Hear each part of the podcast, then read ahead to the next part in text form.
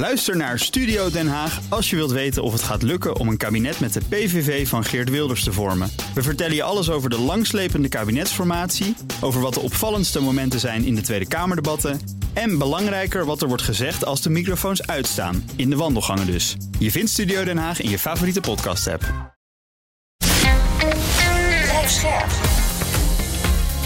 BNR Nieuwsradio. Boekenstein en de Wijk. Hugo Reitsma. De beveiliging van het wegennet, eerst met olifantsdraad of gaas met staaldraad, is sterk verbeterd nadat wetenschappelijke proeven de beste beschermingsmiddelen hadden aangetoond. De enkelvoudige starre vangrail bleek bij hoge snelheden allerminst te voldoen. Zo kwam men tot de dubbelzijdige flexibele constructie die over een grote afstand doorbuigt en voorkomt dat het botsende voertuig kantelt of doorschiet. De Stichting Wetenschappelijk Onderzoek Verkeersveiligheid is ook nagegaan wat er gebeurt bij botsingen met praatpalen of lichtmasten.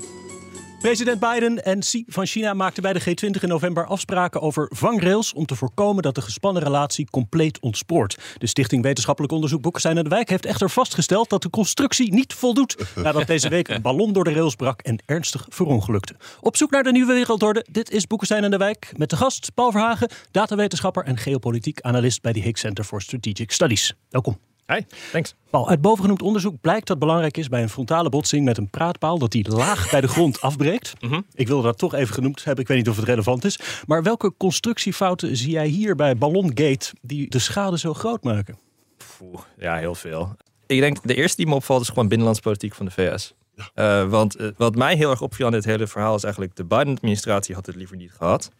Die hadden een belangrijke uh, meeting met de Secretary of State en ook hun counterpart in China. Blinken zou naar Beijing gaan. Inderdaad, ging ineens niet door. Van, ja. van die van China.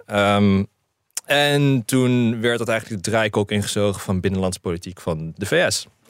Uh, en dat is iets heel. Nou ja, de vangrails rond met name de binnenlandspolitiek van de VS, daar, daar is het een ander mee mis. Dan wel afwezig. Vertel maar wat de Republikeinen deden. Vertel maar gelijk. Nou ja, die springen op en neer en zeggen van we moeten dat ding gelijk neerschieten. en dan is een logisch antwoord er hangt zeg maar een, een schoolbus onder dat ding. Dus als je het neerschiet, dan weet je, met zwaartekracht valt het ding op een gegeven moment op. Ja, weet je, dus daar moesten we mee wachten. Uh, maar dit werd een hele draaikolk, omdat ook een State of the Union aankwam. Dus het werd allemaal dat politieke ja, BS werd ingezogen. Dus dat, dat viel me heel erg op. Maar waarom nu? Want uh, State of the Union is er een van. Maar ik bedoel, het is scheer en inslag geweest dat dit soort ballonnen uh, zijn. dat blijkt, hè? Ja. ja. Nou ja, dat wisten we ook wel. Dat is al oh. heel lang bekend hoor, dat dit gebeurt. Maar ook in Europa gebeurt dat. Het probleem is natuurlijk gewoon dat ze zo hoog vliegen dat je ze vaak helemaal niet, uh, niet, niet kan zien. Maar het gebeurt wel. En we weten ook wat, uh, wat de waarde is van dat soort uh, ballonnen. Maar ja, waar, waarom nu? Ja, het is gewoon de, de min of meer spastische houding van met name de Republikeinse Partij. Ja, ja, nee, maar waarom nu? Omdat het vaker is gebeurd. Op hetzelfde moment vloog er ook in over Zuid-Amerika.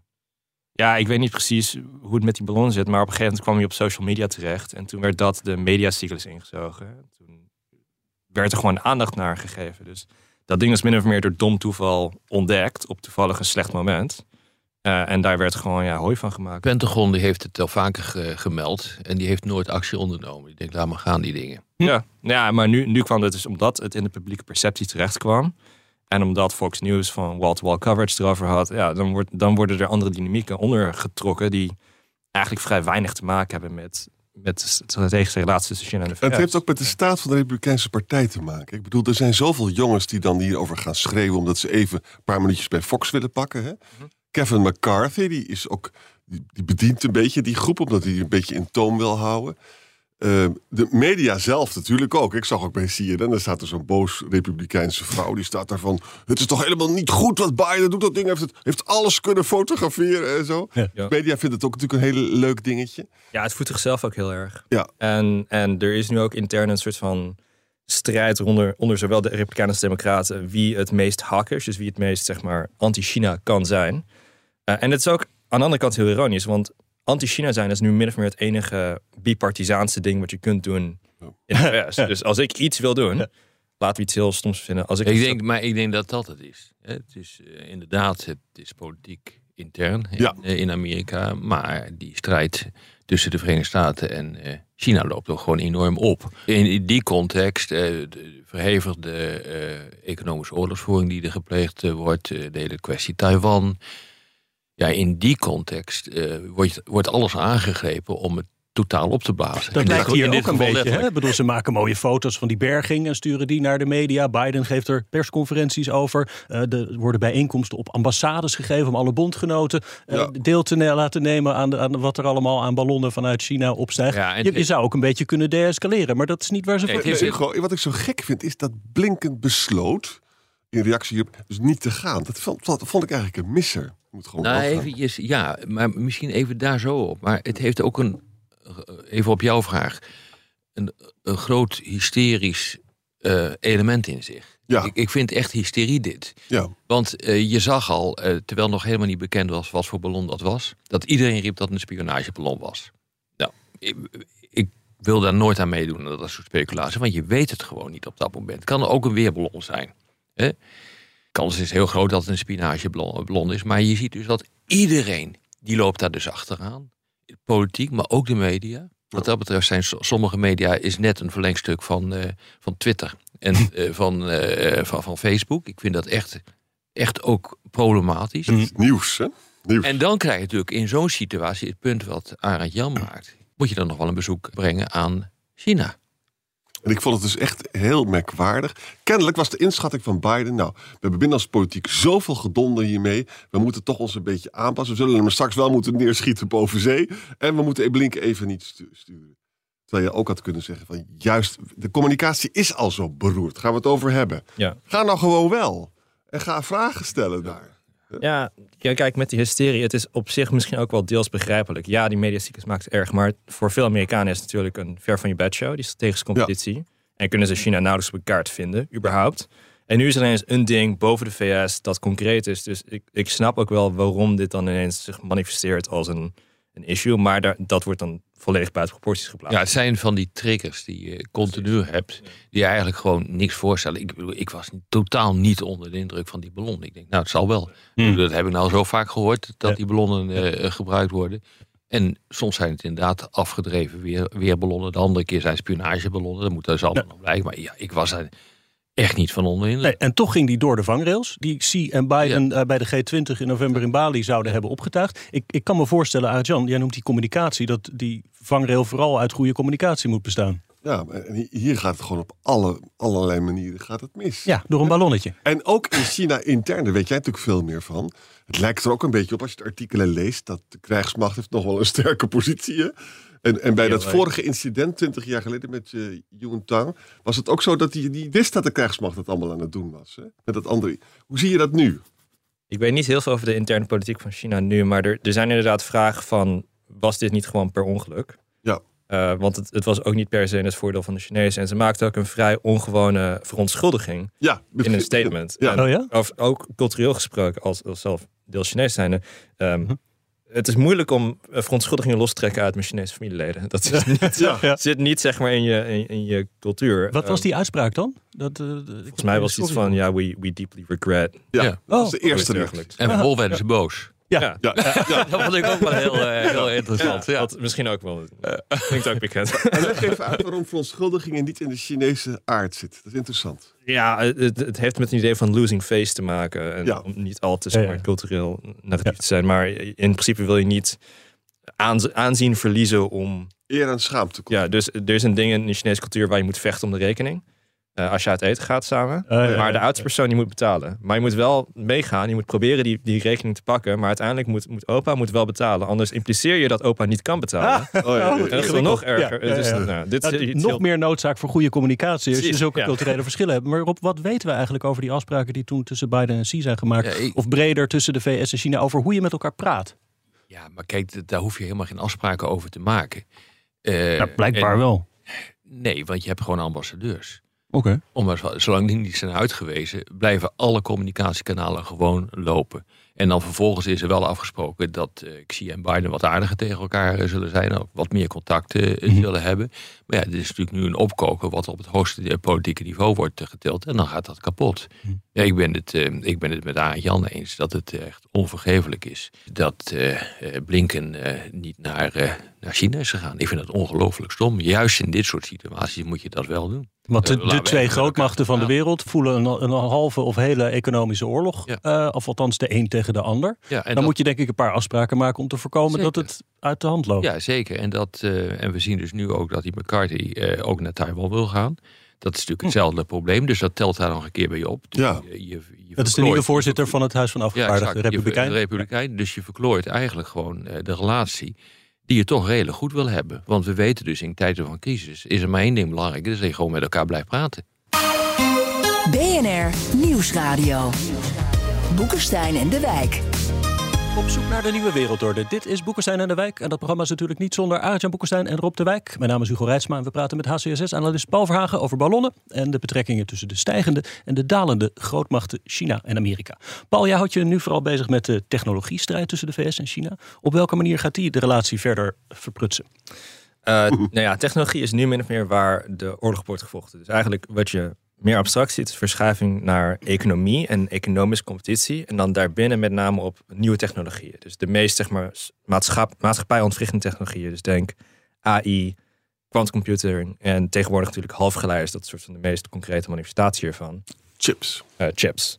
Kijk, AI zijn eigenlijk technologieën die um, je hele relatie tot de overheid en je samenleving kunnen ontwrichten. En enorm veel macht ook geven. Hmm. En eh, de Amerikanen zeggen nu eigenlijk van we willen uh, eigenlijk technologie in de grotere zin, high-tech, ontzeggen van de Chinezen. Mhm. En dat is dus waar nu al die pijlen op zijn gericht. Dat is ook waar die chips vandaan komen, maar dat is in zekere zin een openingsschot in een veel breder conflict over alle next generation technologieën. Dus denk hier ook aan EV's, electric vehicles. Denk hier ook aan kernreactoren. Denk hier aan drones, et cetera. Dat alles wordt nu eigenlijk die, ja, die geopolitiek ingezogen. En dat is iets nieuws, want de... Nee, dat is niet nieuw. Dat hebben we in de 19e eeuw gehad, we hebben het in de 20e dat is waar. gehad. De, Dit de is tijd gewoon waarin een nieuwe industriële revolutie en de vraag is wie die gaat winnen. De Dat- tijd waarin ik ben opgegroeid, dus ik ben een maand Ja, voor geboren het eind van. Ja, klopt.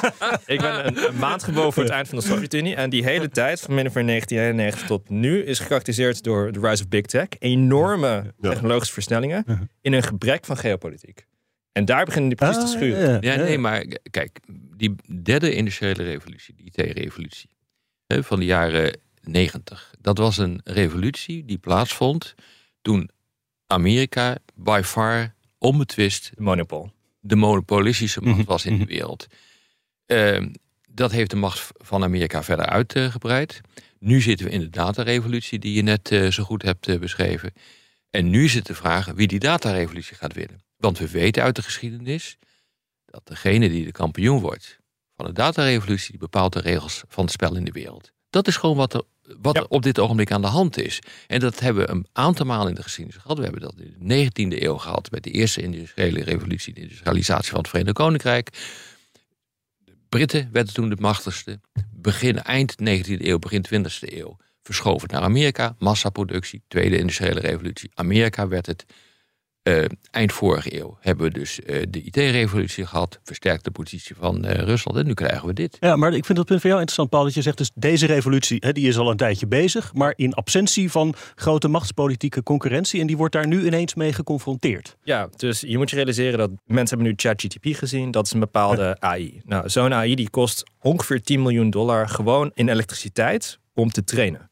Niet om te ontwikkelen, om te trainen. Right? Dus je hebt hier over honderden miljoenen euro's aan R&D, als je ook je, je scientists et cetera nodig hebt. Dit zijn technologieën die buiten bereik liggen van alles behalve de grootste big tech firms Ja. en de middelgrote defensiebudgetten. En als dit in de jaren 60 was gebeurd, dan had je eerder een soort van NASA-achtige construct gezien waar het soort van in de publieke Ja, ja. slash militaire, race. in was Ja, getrokken. ja. Dat is niet gebeurd. Dus nu heb je deze, deze entiteiten als Big Tech, die eigenlijk los zijn getrokken van nationale veiligheid, enorme machtig zijn, een innovatiemonopool zijn, eh, en nu ineens moeten dealen met geopolitiek. Wat ze al 30 jaar niet meer hebben is- gedaan. voor mij is het andersom. Eh, dit soort technologische resolutie, revoluties zijn redelijk autonoom. Eh, en dat heeft gewoon consequenties voor de geopolitiek. Mhm. Eh, dus ehm, eh, het wordt niet de geopolitiek ingezogen. Nee, eh, dit is het- de geopolitiek is het resultaat eh, van dit soort eh, ontwikkelingen. Eh, En we moeten ook nog even een nieuwe dimensie erin brengen voor de luisteraar in Zaltbommel. Ja, zeker. Ja. Dat is namelijk dat, zoals ik het zie, is dat het is heel duidelijk dat Amerika zeer agressief. Spreekt ook over ontkoppeling. Mhm. Probeert te voorkomen dat de, dat de beste technologie naar China gaat. Japan vindt dat helemaal niet zo'n geweldig idee. Zit daar heel anders in. En Duitsland, maar ook Europa en Azië wel, vindt het ook helemaal niet eh, zo'n geweldig idee. Ja. Denk jij dat dit er uiteindelijk toe gaat leiden dat er een echte hele harde breuk komt in de Atlantische? Omdat wij gewoon meer Chinese belangen hebben dan de Amerikanen. Ehm, Kijk er anders tegenaan in ieder geval. we hebben inderdaad andere manieren van er tegenaan kijken. Ik, ik denk dat het nog niet duidelijk genoeg is voor de Europeanen dat het veel logischer is om met de Amerikanen in zee te gaan dan de Chinezen. Chinezen zijn, kun je rijk van worden via handel, maar het is niet een natuurlijke bondgenoot. Het is niet de democratie, het doet aan allerlei mensenrechten schendingen. En we zijn gewoon, die, die hele discussie ook rond bijvoorbeeld die chips, van oh, we moeten niet afhankelijk worden van de Amerikanen. We zijn al best wel afhankelijk van de Amerikanen. We zitten in de NAVO. Eh, Toen we uit Afghanistan weggingen, was het omdat de Amerikanen weggingen en wij niet de eigen militaire capaciteit hebben. Dus wat eigenlijk nog dommer is dan zeggen we moeten niet afhankelijk worden, is afhankelijk zijn Ja, en niet erkennen. Eh, dat zou een, een nog stupidere actie zijn. Ja, het probleem zit hem op dit ogenblik, denk ik, in eh, de verschillende visies. Precies wat je zegt, ik ben het volstrekt met je eens. Eh, waarbij eh, wij een veel meer een handelspolitieke kijk hebben op, eh, op China en de Amerikanen machtspolitieke kijk. Maar het probleem is dat die machtspolitieke kijk nu leidt tot enorme veranderingen in Amerika zelf. Hè? We hebben het al vaker hier in het programma gehad over de Inflation Reduction Act. met zijn Buy America. Dus als je maar Amerikaanse spullen koopt, dan krijg je subsidies. Dus dat is gewoon echt puur protectionisme. En de grote vraag is wat er nou in Europa gaat gebeuren. En is die industriële Green Deal is eh, vorige week eh, eh, tot stand gekomen. Dat gaat een beetje dezelfde kant op. Maar je ziet nu ook dat er enorme frictie begint te ontstaan tussen Amerika en Europa. En maar zeer de vraag, hè, ik ben het helemaal met je eens hè, dat je moet samenwerken hier. Alleen dan kan je eh, deze strijd overleven. Maar de vraag is of dat echt kan. Het heeft onder andere ook te maken met de hoge energieprijzen in Europa. Waardoor gewoon eigenlijk de industrialisatielijst eh, eh, dreigt van dit continent. Ja, je kan beter je gaan vestigen in Amerika. Eigenlijk hebben wij en Amerika ook een vangrails nodig om dit, dit soort Zeker. conflicten Ja, een zeker. beetje binnen de perken te Maar houden. als we het dus even analytisch doen en even niet normatief. Normatief ben ik het met je eens. We hebben veel meer met- met Amerika dan met China. Maar Hm. als je Europa kent en je ziet dit dus enorm gaan schuren. Hè? Hm. Duitsers willen gewoon heel veel geld verdienen in Ja. China. Echt heel veel geld. Ja, en, En dat, die- en die handels- ja, En dat handelspolitiek aspect, dat gaat echt niet weg hoor. Scholz zit heel dicht bij de vakbonden. Die willen gewoon banen, die willen geld verdienen. Ja, en dat weerhoudt hen ook om bijvoorbeeld een deal te maken met Taiwan over die absoluut noodzakelijke fabriek hier in Europa, die bij Dresden moet komen of eh, van TSMC, Ja. die verantwoordelijk is voor 90% van de geavanceerde halfgeleiders in de wereld en 60% van de overige halfgeleiders. Dus die moet hier komen. Alleen, ja, daar zitten enorme politieke blokkades om een, der, eh, om een dergelijke deal te maken. Want dat zou eens een keer ten koste kunnen gaan van de industriële activiteiten in Duitsland zelf en de exporten naar, eh, naar China. Met name de auto-industrie. Ja. Ik wil toch even weg van Europa, want eigenlijk Europa is dan niet zo relevant. Het gaat hier tussen de VS en China. Moeten die qua vangrails, moet de VS ook niet ergens een grens stellen aan hoeveel schade ze proberen te berokkenen aan China door ze de technologie te onthouden, door ze zoveel mogelijk eh, af te stoppen, te containen, die hele confrontatiekoers? Ja, eh, dit is ook een deel van het narratief wat uit de Chinese kant zelf komt. Van dit is eh, American Empire en proberen de wereldorde naar je hand te zetten. Je, je moet niet, inderdaad helemaal on, niet helemaal onwaar. Niet, niet incorrect, geheel. Een beetje een baatveet formulering, maar het is niet incorrect. En je moet inderdaad wel afvragen van ja, en dat is min of meer ook waar, waar de schoen nu wringt over bijvoorbeeld die, die DUV-machines. Van ja, oké, ik snap Iets dat je- minder geavanceerde. je high-tech spul dat dat niet naar China toe moet, maar koelkasten, Ja. yeah, you know, wat, wat maakt dat nou weer uit? Ehm, en waar je die lijn trekt inderdaad, dat is best wel een vraag. Nou ja, maar dat heeft, weet je, je wil niet over Europa praten, maar het heeft alles met Europa te maken. Zolang wij niet optreden, ehm, eh, samen met Amerika en niet één lijn trekken, worden de opties van Amerika gewoon kleiner. Hm. Dus wij in belangrijke mate bepalen ook de speelruimte die Amerika heeft. Want het, eh, ja, als het, als het Amerika lag, dan zou dat tot een complete ontkoppeling eh, leiden van de Chinese en Amerikaanse economie. Of dat echt kan, is maar zeer de vraag hoor. En volgens mij eh, eh, redt Amerika dit niet. Als Europa zich zo blijft opstellen, Mhm. is er een groot probleem voor Amerika. En het is ook geen wonder dat China eh, nu een soort charme-offensief heeft eh, eh, gelanceerd. in de richting van de Britten, de Fransen en de Duitsers. Dat is geen wonder, dat heeft hiermee te maken. Dus je kunt het niet. Het is geopolitiek, Hugo. Oh, Ja, echt. En dat, dat gaat over de grote blokken in de wereld. China, Amerika, Europese Unie. Dat kan je niet Ja. los van elkaar zien. En paradoxalerwijs is de Europese houding tegenover Amerika, zo van wij willen het eigenlijk allemaal niet, leidt eerder tot oorlog tussen Amerika en China. Alles hangt weer met alles samen. Nou ja, eh, eh, exact. eh, nou, kijk naar die, die reizen naar Taiwan. Tja, Hè, Dat, dat, eh, dat toont ook aan, dat is krankzinnig, omdat het ook in belangrijke mate aantoont de zwakte van Amerika. exact. Hè, dus zij kunnen, als de, Amer- als de Chinezen vervolgens besluiten om grote oefeningen uit te voeren of militaire prikacties uit te voeren, dan kunnen de Amerikanen er geen reet aan doen. En dat is echt een groot probleem. En, en Of wat, wat, hoe zie jij dat dan? Nou ja, bedenk ook dat in die machtsstructuur van de wereld nu... Amerika is geen monopolmacht meer. Het is wel verreweg de meest machtige actor in de wereld. Ja. Dat, dat mag dat duidelijk zijn. Maar binnen die driehoek van de EU, de VS en China... heb je er twee nodig om te winnen. Ja, ja. En drie is te druk, want die willen niet met elkaar. Maar je hebt er minstens twee nodig. Hm. Of dat de EU en, en China, of de EU en Nederland is, dat kan. Of, eh, sorry, de EU en Amerika. Het zou ook de EU en China kunnen zijn, maar Dat dan ga je tegen de Amerikanen aan. Dat zou Right. zomaar kunnen. Ja, eh, dus je moet echt beseffen, je moet een kant kiezen. Allebei, dat kan niet meer. Dat is heel duidelijk geworden. De Amerikanen zeggen van ja, dat gaat niet gebeuren. Je kunt niet zowel China en de Ja, VS hebben.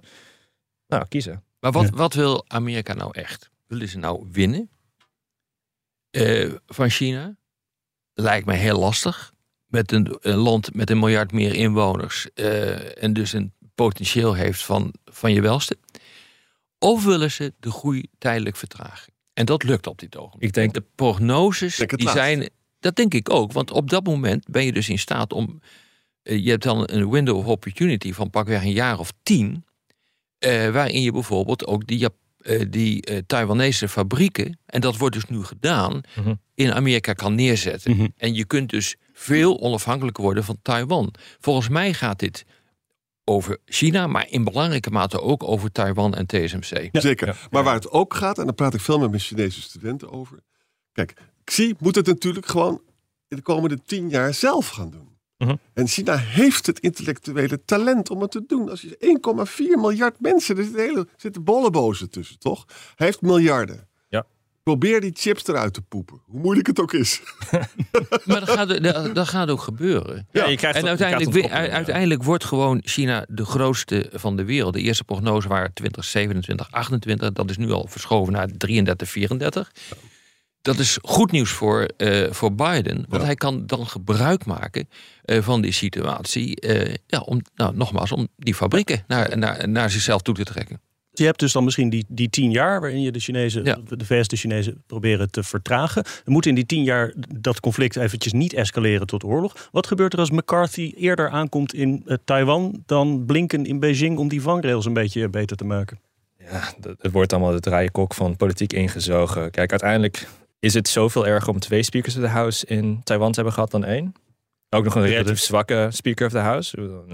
Het zou niet heel veel uitmaken. Het zou aangeven dat in ieder geval binnen de VS zelf duidelijk is dat zowel Republikeinen als Democraten eh, de, ja, China de hak willen zetten. Maar China oefent dan met een quarantaine, hè?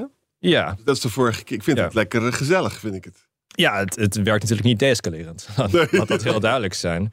En om, om terug te komen op dat argument van Rob. Je hebt dus een gedachte die loopt in het Amerikaanse establishment. Is eigenlijk een conflict met China is onvermijdelijk. En dan wil je eigenlijk je militaire voordeel ten opzichte van de Chinezen zo groot mogelijk houden. Mhm. Nou, de afgelopen tien jaar is dat verschil steeds kleiner geworden. Mhm. Omdat China moderniseert. Oké, daar word je nerveus van. Want dat betekent, als je het helemaal extreem uitdenkt, dat gisteren eigenlijk altijd de beste dag was om een oorlog te beginnen. Want toen was het verschil het grootste. Aha. Dus dan maak je in de lange termijn zorgen dat de Chinezen je gaan inhalen. Mhm. Nou, wat doe je dan? Je steekt een spaak in de wielen. Nu wordt dat verschil weer groter, want de Amerikanen kunnen sneller innoveren. Dus je wil dat verschil zo groot mogelijk houden, zodat een oorlog ondenkbaar is, dan wel suicidaal voor de Chinezen. Nice. Op de radio ronden we af. Maar in de podcast gaan we langer door met luisteraarsvragen. Luistert u op de radio, dan verwijs ik naar boekensteinendewijk.nl of uw favoriete podcast-app. Jan Paul Hof zit volgens mij een beetje op jullie. nou, wacht, ik, lees het gewoon even voor.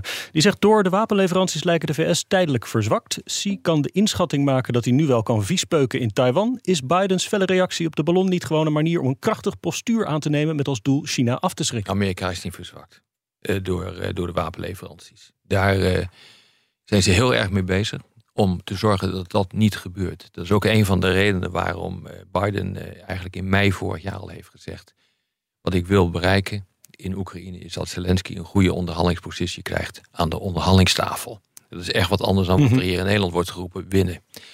Eh, en dat heeft onder andere hiermee te maken. En ook als je naar de National eh, Defense Strategy kijkt, die is geheim, maar er zijn delen van geopenbaard. Dan is het evident dat Rusland niet de grote tegenstander is, maar China wel. Dus eh, die, die afweging zit er gewoon in. Dus het antwoord op eh, eh, deze vraag is nee. Ja. Behal- Behalve dus dat de, de- Amerika heeft geen goede militaire opties met Taiwan. Dat moeten we goed be- be- bedenken. Dat klopt. Je hebt, nee, dus wordt er ook nu nagedacht over hoe je Taiwan wel zou moeten verdedigen. Ja. Ja. En eh, daar buigen de Amerikanen strategisch zich op dit, dit ogenblik over. En die zeggen van hou op met het aanschaffen van allemaal tanks en zo.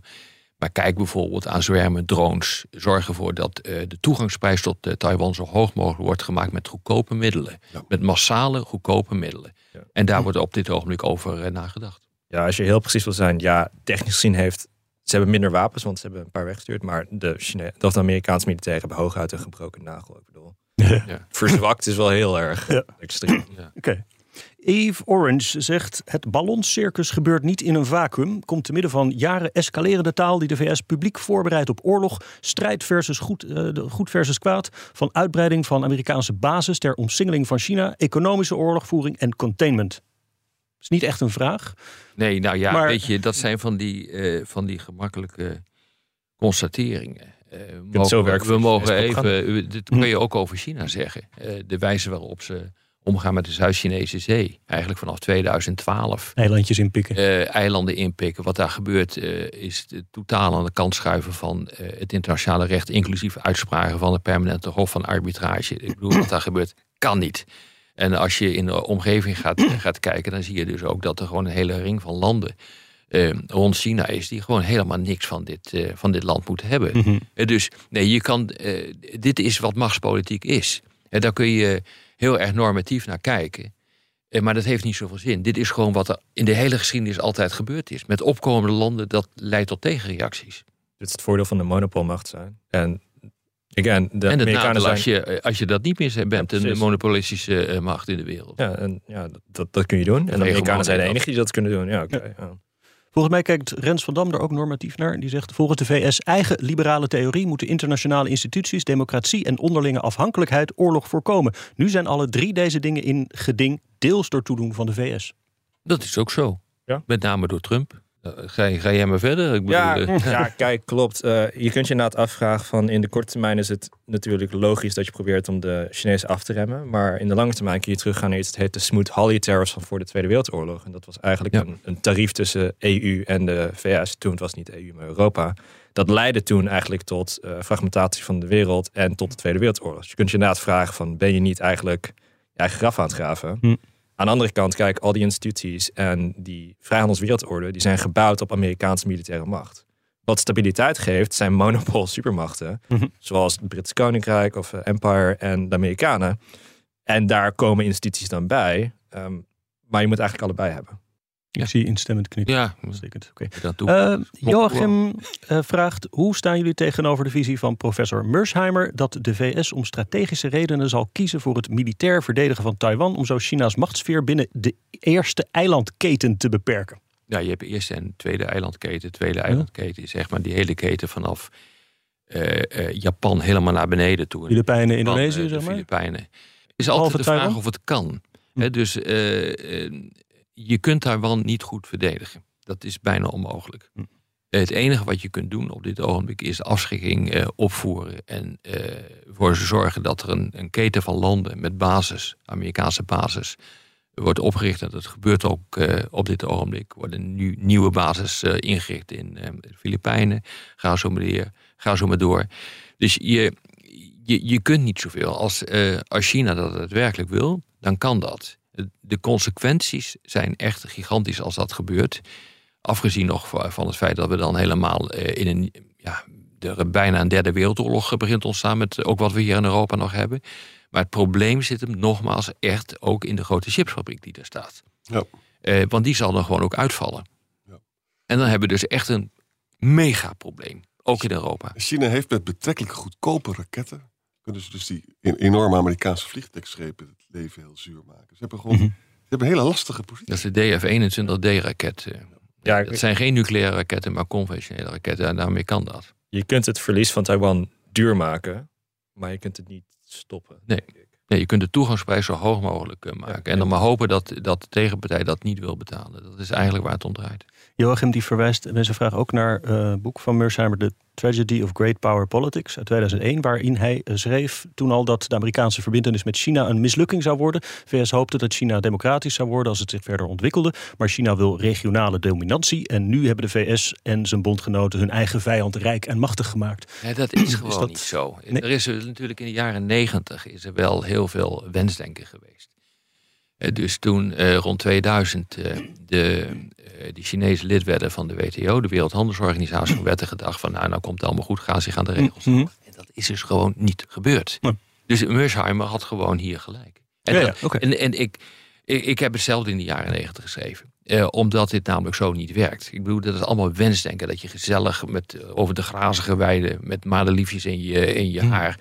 eh, eh, met elkaar, elkaar omhelst. Dat gebeurt niet in de internationale betrekking. Dit is gewoon puur zang machtspolitiek. Dat is gewoon wat het is. En Mercer maakt ook het klassieke historische punt ook. hè, Van als er een hegemoon is en dus een aspirant hegemoon... dan gaat het heel vaak vreselijk mis. Ja, ja dat is gewoon altijd... De Thucydides Ja, daar zijn zoveel onderzoeken naar gedaan. Dat leidt bijna altijd tot conflicten. En over conflict gesproken, Handig Harry eh, die zegt nu de VS op Oekraïne gefocust is en een hoop wapensystemen heeft weggegeven, zegt hij ook weer. En de Europese budgetten op defensie nog niet gespendeerd zijn. Waarom valt China Taiwan nu nog niet binnen? Komt er een beter moment? Ja, Ik denk dat dat nu ten koste gaat maar van, van, ook van de eigen economische ontwikkeling. Dat is gewoon wat je nu niet wil. Maar als ik Paul zo hoor, Ja, Paul, de, VS is zijn, zijn, eh, zijn voorsprong nu weer aan het vergroten. Dan zou dit eigenlijk het moment zijn voor China Nee, om Taiwan te Het is nog pakken. steeds te duur.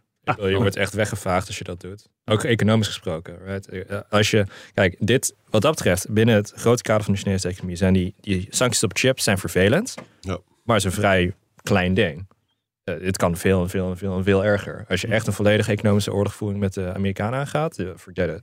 Het is gewoon nu te duur. Niet alleen puur in militaire termen, maar ook in gewoon economische termen. Ze Ja, maar wat, ik heel merkwaardig vind hierbij is dat we weten dat de, eh, de grondstoffen voor chips, eh, die komen uit Rusland, China en de Democratische Republiek eh, Congo, waarbij de mijnen ook nog eens een keer van, van China zijn. Dat is als die landen wegvallen en dat gaat gebeuren bij zo'n blokkade. En je ziet nu ook dat het tamelijk lastig is om op alle punten gewoon alternatieven voor die grondstoffen te vinden. Dan praten we over palladium, eh, kobalt, dat soort eh, gedoe, zelfs Samaris. Eh, het kan dus ook een enorm risico eh, hebben als je eh, verder gaat met het, het, het afkappen van de handelscontacten eh, tussen Amerika en China. Dat je een aantal essentiële goederen gewoon niet meer kunt krijgen. Waardoor je jezelf ook enorm in de vingers. Dat betekent dus, jongens, dat is wel heel interessant... dat als eh, China nu zou aanvallen... dan heb, krijg je dus decouplering on steroids. Hè, dan krijg je dus totaal... Maar Rob zegt terecht, daar zal het Westen ook een gigantische prijs voor Maar, ja, dat is hetzelfde wat, als wat wij nu hebben gedaan met Rusland. We hebben gezegd, oké, geen olie en gas meer uit Rusland. Ja. En dat is hetzelfde. Moet je kijken wat voor een effect dat heeft gehad. Dat leidt gewoon tot Valt een enorme hoor, crisis. eerlijk gezegd. Maar goed. Want we kunnen helemaal niet zonder die zeldzame dingen. Nee, maar dit is nog ernstiger dan het niet eh, krijgen van olie en gas uit Rusland. Omdat eh, het, de, de alternatieven die er zijn in de wereld niet zo gek groot zijn. Je, hebt niet, je kunt niet overal in de wereld maar in de grond eh, gaan graven om deze specifieke elementen eruit te, te halen. Dat, dat kan niet. Ja, er wordt nu heel veel gesproken over die mijn in Noord-Zweden. Ja, zeker. Hm. Eh, ja, dat is één mijn. Eh, dat, ja, daar ga je heel. China mee op. Ja, lithium en eh, zelfs Samaris in, eh, in Noord-Zweden. Maar ja, relatief kleinschalig. Ja. Maar dus als ik het goed begrijp, een beetje concluderend, ondanks Ballongate, de gebrekkige vangrails en de techstrijd en alles, voorzien jullie op dit moment geen oorlog tussen Amerika en China. Wij zien het wat dat betreft zonnig in deze aflevering. Heel erg zonnig. Nou, Ja. dat zien we toch eigenlijk altijd. Optimistisch Nou. Ja. Volgens mij gaat het allemaal fout. Dit was weer Boekenstein naar de Wijk. Namens Arjan Boekenstein en Rob de Wijk, dank voor het luisteren. Speciale dank aan Paul Verhagen en fijn weekend. Fijn weekend. Dank je. Bye.